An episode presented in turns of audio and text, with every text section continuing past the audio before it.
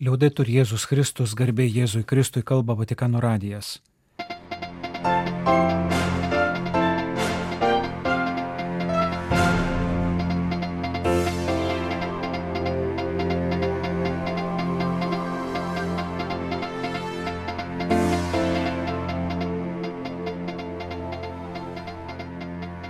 Malonus klausytojai šioje programoje.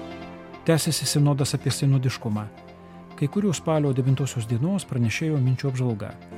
Jeruzalės tautyno patriarcho komentaras apie karo stovį Izraelyje ir kitos žinios. Popiežiaus sveikinimas ketvirtajam Pranciškaus ekonomikos dalyvių susitikimui Asyžiuje, vykusiam praėjusią savaitgalį.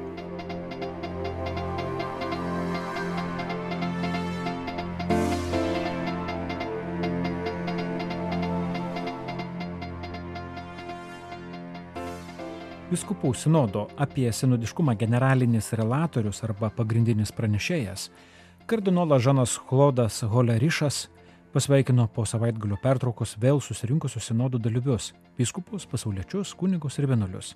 Dienos darbus pradėjusius mišiomis Šventojo Petro bazilikoje. Mišio homiliją pasakė Maronito apieigų katalikų patriarchas kardinolas Bešararai.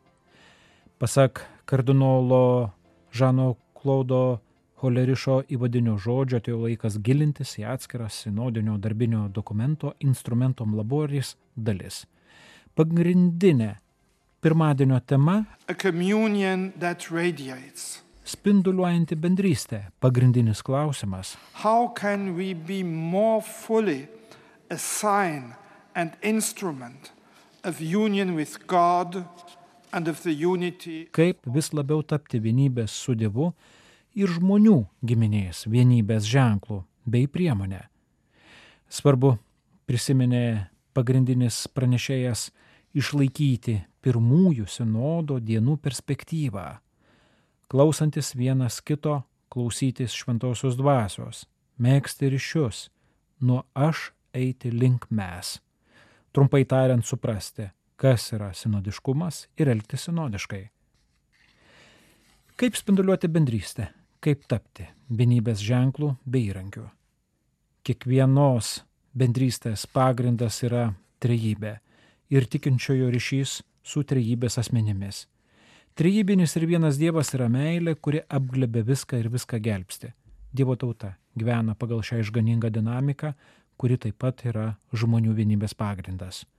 Vienybės iššūkis nėra lengvas, nes reikalauja atvirumo ir neapsiribojimo savų klubo Kardinolas prisiminė vienos afrikiečių šeimos liudijimą. Atvykusi į vieną Europos šalį, ji iškojo parapijos, kur jie galėtų praktikuoti savo tikėjimą. Rado parapiją, kurioje buvo einama į mišes, bet nesuteikiama jokio gilesnio bendrystės ir bendruomenės jausmo. Dar daugiau, ji jautėsi, tarsi ją būtų žiūrima iš aukšto dėl skirtingų religinių tradicijų. Bet vėliau sutiko vieną metodistų bendruomenę, kuri priėmė šeimą ne kaip šalpos gavėjus, o kaip lygiaverčius pakeleivius, vienas kitam linkinčius gero. Su savo tėvu glaudžiai susijęs Jėzus per šventąją dvasę į bendrystę kviečia visus. Bet ar esame tam pasirengę? Ar sugebėsime priimti tuos, kurie galbūt mus erzina ir rodos net kelia grėsmę mūsų tapatybei? Ar sugebėsime tai padaryti ne išimtimi, o kasdienė nuostata? Ar sugebėsime dirbti su kitų konfesijų broliais ir seserimis? Svarbu, pakartojo kardinolas Holerišas, remtis konkrečia patirtimi ir konkrečiais kontekstais. Po jo į sinodo dalyvius kreipėsi dominikonas Timothy Radcliffas ir bažnyčios socialinės doktrinos profesorė Ana Rowlands, abu iš Junktinės karalystės. Jie plačiau aptarė spalio devintosios dienos bendrystės temą ir klausimą apie vienybę. In St. John's Gospel, chapter 4, we hear the encounter of Jesus with the woman at the well. Dominikonas prisiminė samarietės ir Jėzaus susitikimą prie šulinio. Duok man atsigerti, paprašė moters Jėzus. Šiais paprastais žodžiais pralauždamas juos skyrusią sieną. Netrukus ši moteris tapo jo apaštalę jo žinios skelbėją kitiems miestų gyventojams. Trokštų taip pat buvo vienas iš paskutiniųjų viešpaties žodžių ištartų ant kryžiaus. Pirmųjų ir dabartinių amžių teologai Jėzaus troškulį suvokė mistinėje perspektyvoje. Viešpats mūsų ieško ir trokšta mūsų daug daugiau, nei mes sugebame jo trokšti. Jis taip pat yra tas, kuris duoda gyvą į vandenį, savo dievišką į aš, ištisų galinti, numalšinti dvasinį žmogaus troškulį. Bet daugelis, pridūrė Timoti Ratklifas, turi šį troškulį atskleisti, taip kaip jį atskleidė ir samarietė, iš pradžių ten norėjusi paprasto vandens iš šulinio.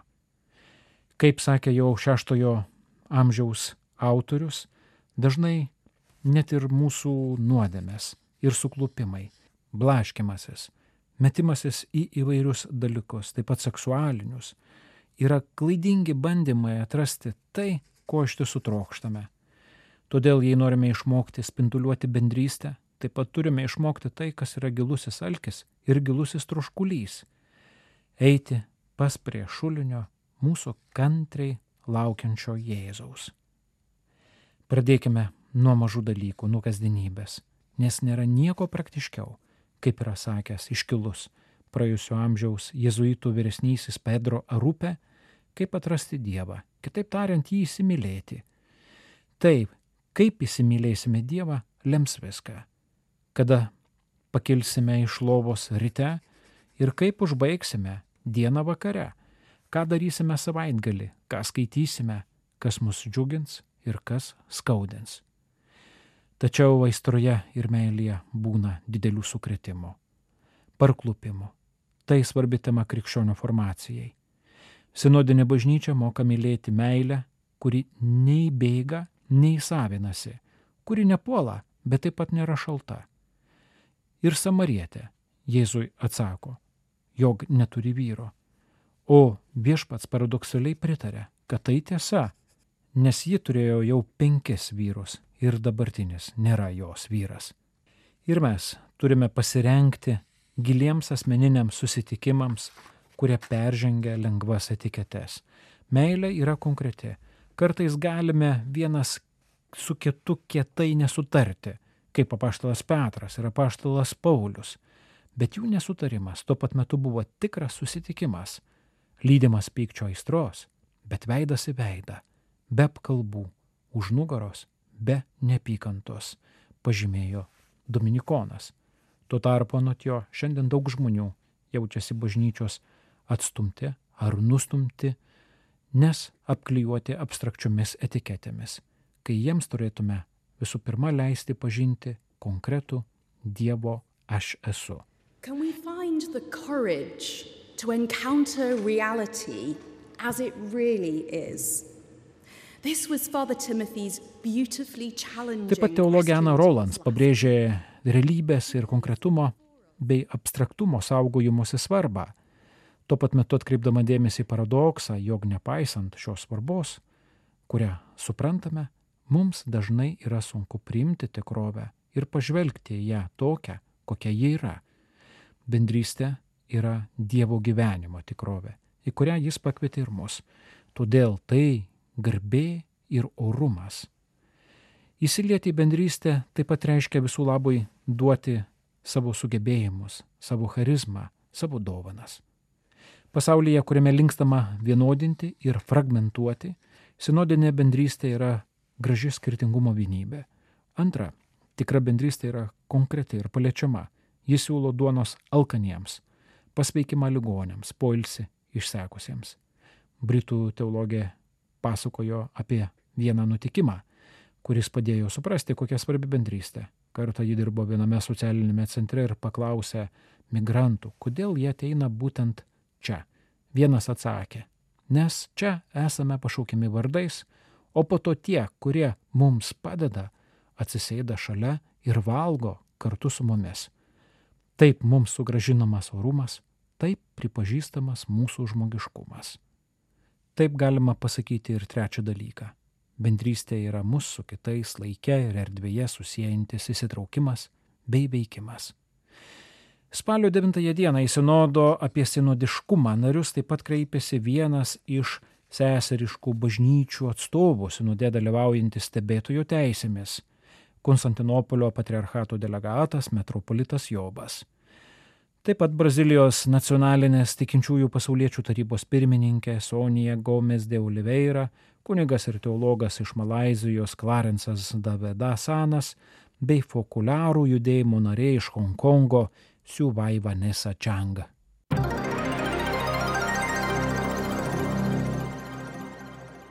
Situacija labai rimta, bijau, kad tai gali sukelti karą. Tokį susirūpinimą išreiškė Jeruzalės lotynų patriarchas, naujasis kardinolas Pier Batista Pizzabala, komentuodamas šeštadienio rytą Hamas surinktą ataką. Tūkstančių raketų iš gazos ruožo į Izraelio pietus ir centrą paleidimą ir įsiveržimą Šimtai izraeliečių žuvo, daugybė sužeistų, tačiau aukų skaičius yra negalutinis. Izraelis jau paskelbė karo stovį. Į Izraelio teritoriją įvairiais būdais patekę teroristinės Hamas organizacijos kovotojai įkaitais paėmė Izraelio karius ir civilius gyventojus.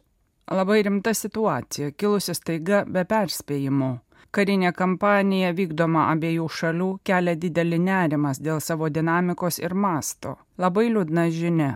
Įkaitų paėmimas jokių būdų nėra pateisinamas. Tai tik paskatins prievartą tarp abiejų pusių, pabrėžia kardinolas. Jeruzalės lotynų patriarchas jaudinasi ne tik dėl krikščionių, dėl visų žmonių, ypač dėl to, kad šalyje vyrauja nepasitikėjimas institucijomis, Visuomenė susiskaldžiusi, tai didina smurto proveržius ir agresyvumą žmonių tarpe.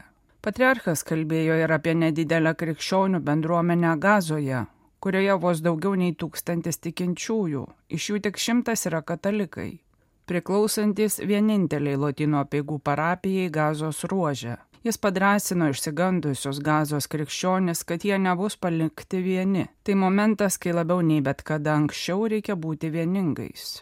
Patriarchas kreipėsi ir tarptautinę bendruomenę, kad jie ryštingiau kreiptų dėmesį į artimuosius rytus.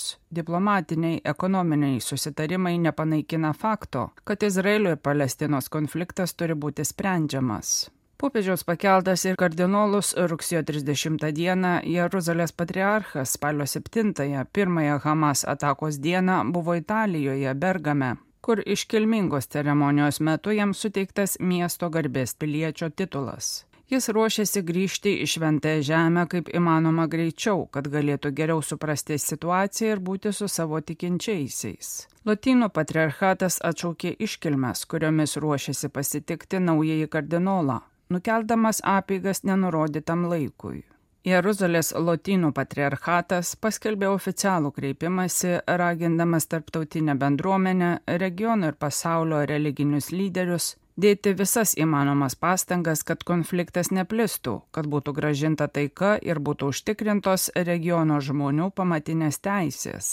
Vienašalės deklaracijos dėl religinių ir kulto vietų statuso kursto dar daugiau neapykantos ir ekstremizmo, Todėl svarbu išsaugoti status quo visose sakralinėse vietose, o ypač Jeruzalėje, rašoma deklaracijoje. Smurto bangos per pastaruosius mėnesius nusinešusios daugybę palestiniečių ir izraeliečių gyvybių staiga sprogo šeštadienį. Tai kelia didelį nerimą dėl jų masto ir intensyvumo.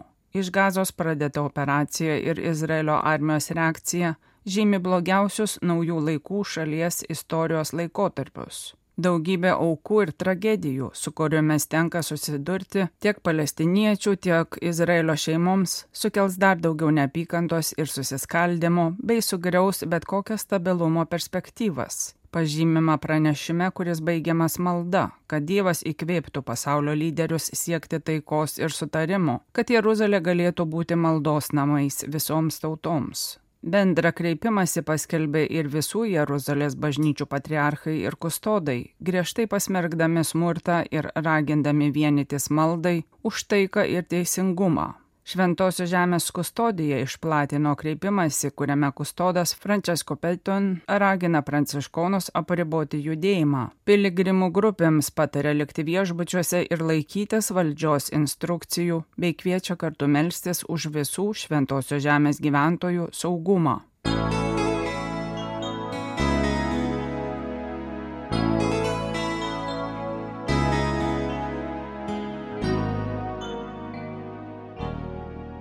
Spalio 6-8 dienomis Asižiuje vyko ketvirtasis Pranciškaus ekonomikos susitikimas, kuriame dalyvavo apie 70 jaunų ekonomistų, verslininkų ir verslininkių iš įvairių pasaulio kraštų atsiliepusių į popiežiaus kvietimą permastyti ekonomiką bei kurti kitokią, žmonių neskirstančią, nesielgiančią plėšriai gamtos atžvilgių, nesiekiančią greito pelno bet kokią kainą ir ateities kartų sąskaitą ekonomiką.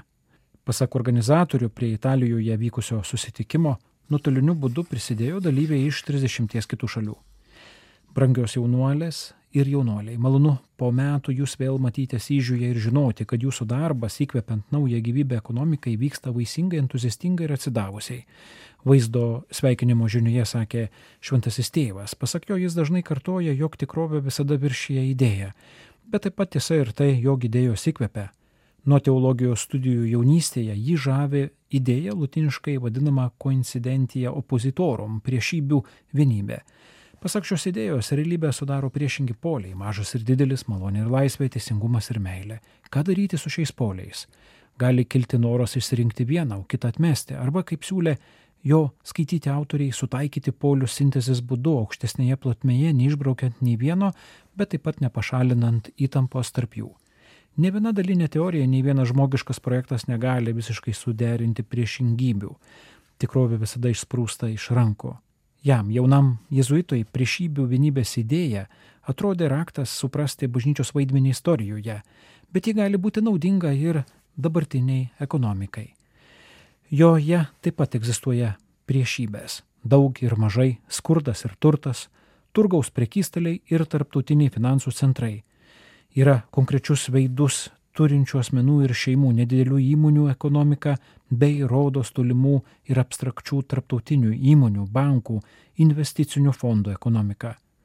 Greta didžiulių algų ir premijų ekonomikos, orientuotos į pelną, egzistuoja aplinkai ir žmonių ryšiams atidė ekonomika, o kartais ir tokia, kurios uždarbiai neleidžia oriai gyventi.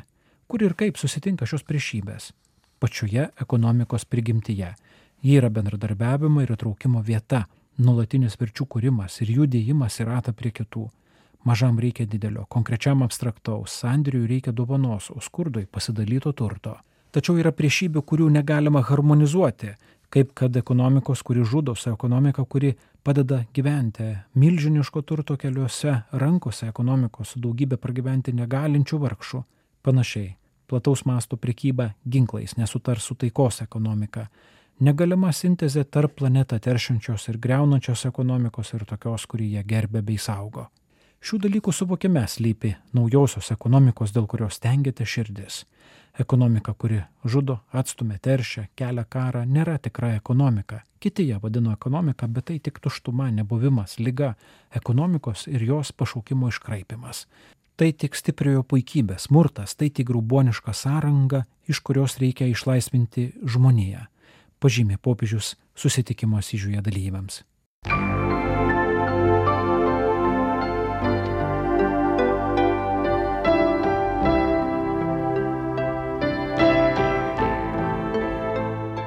Malonus klausytojai laidą lietuvių kalbą baigiame.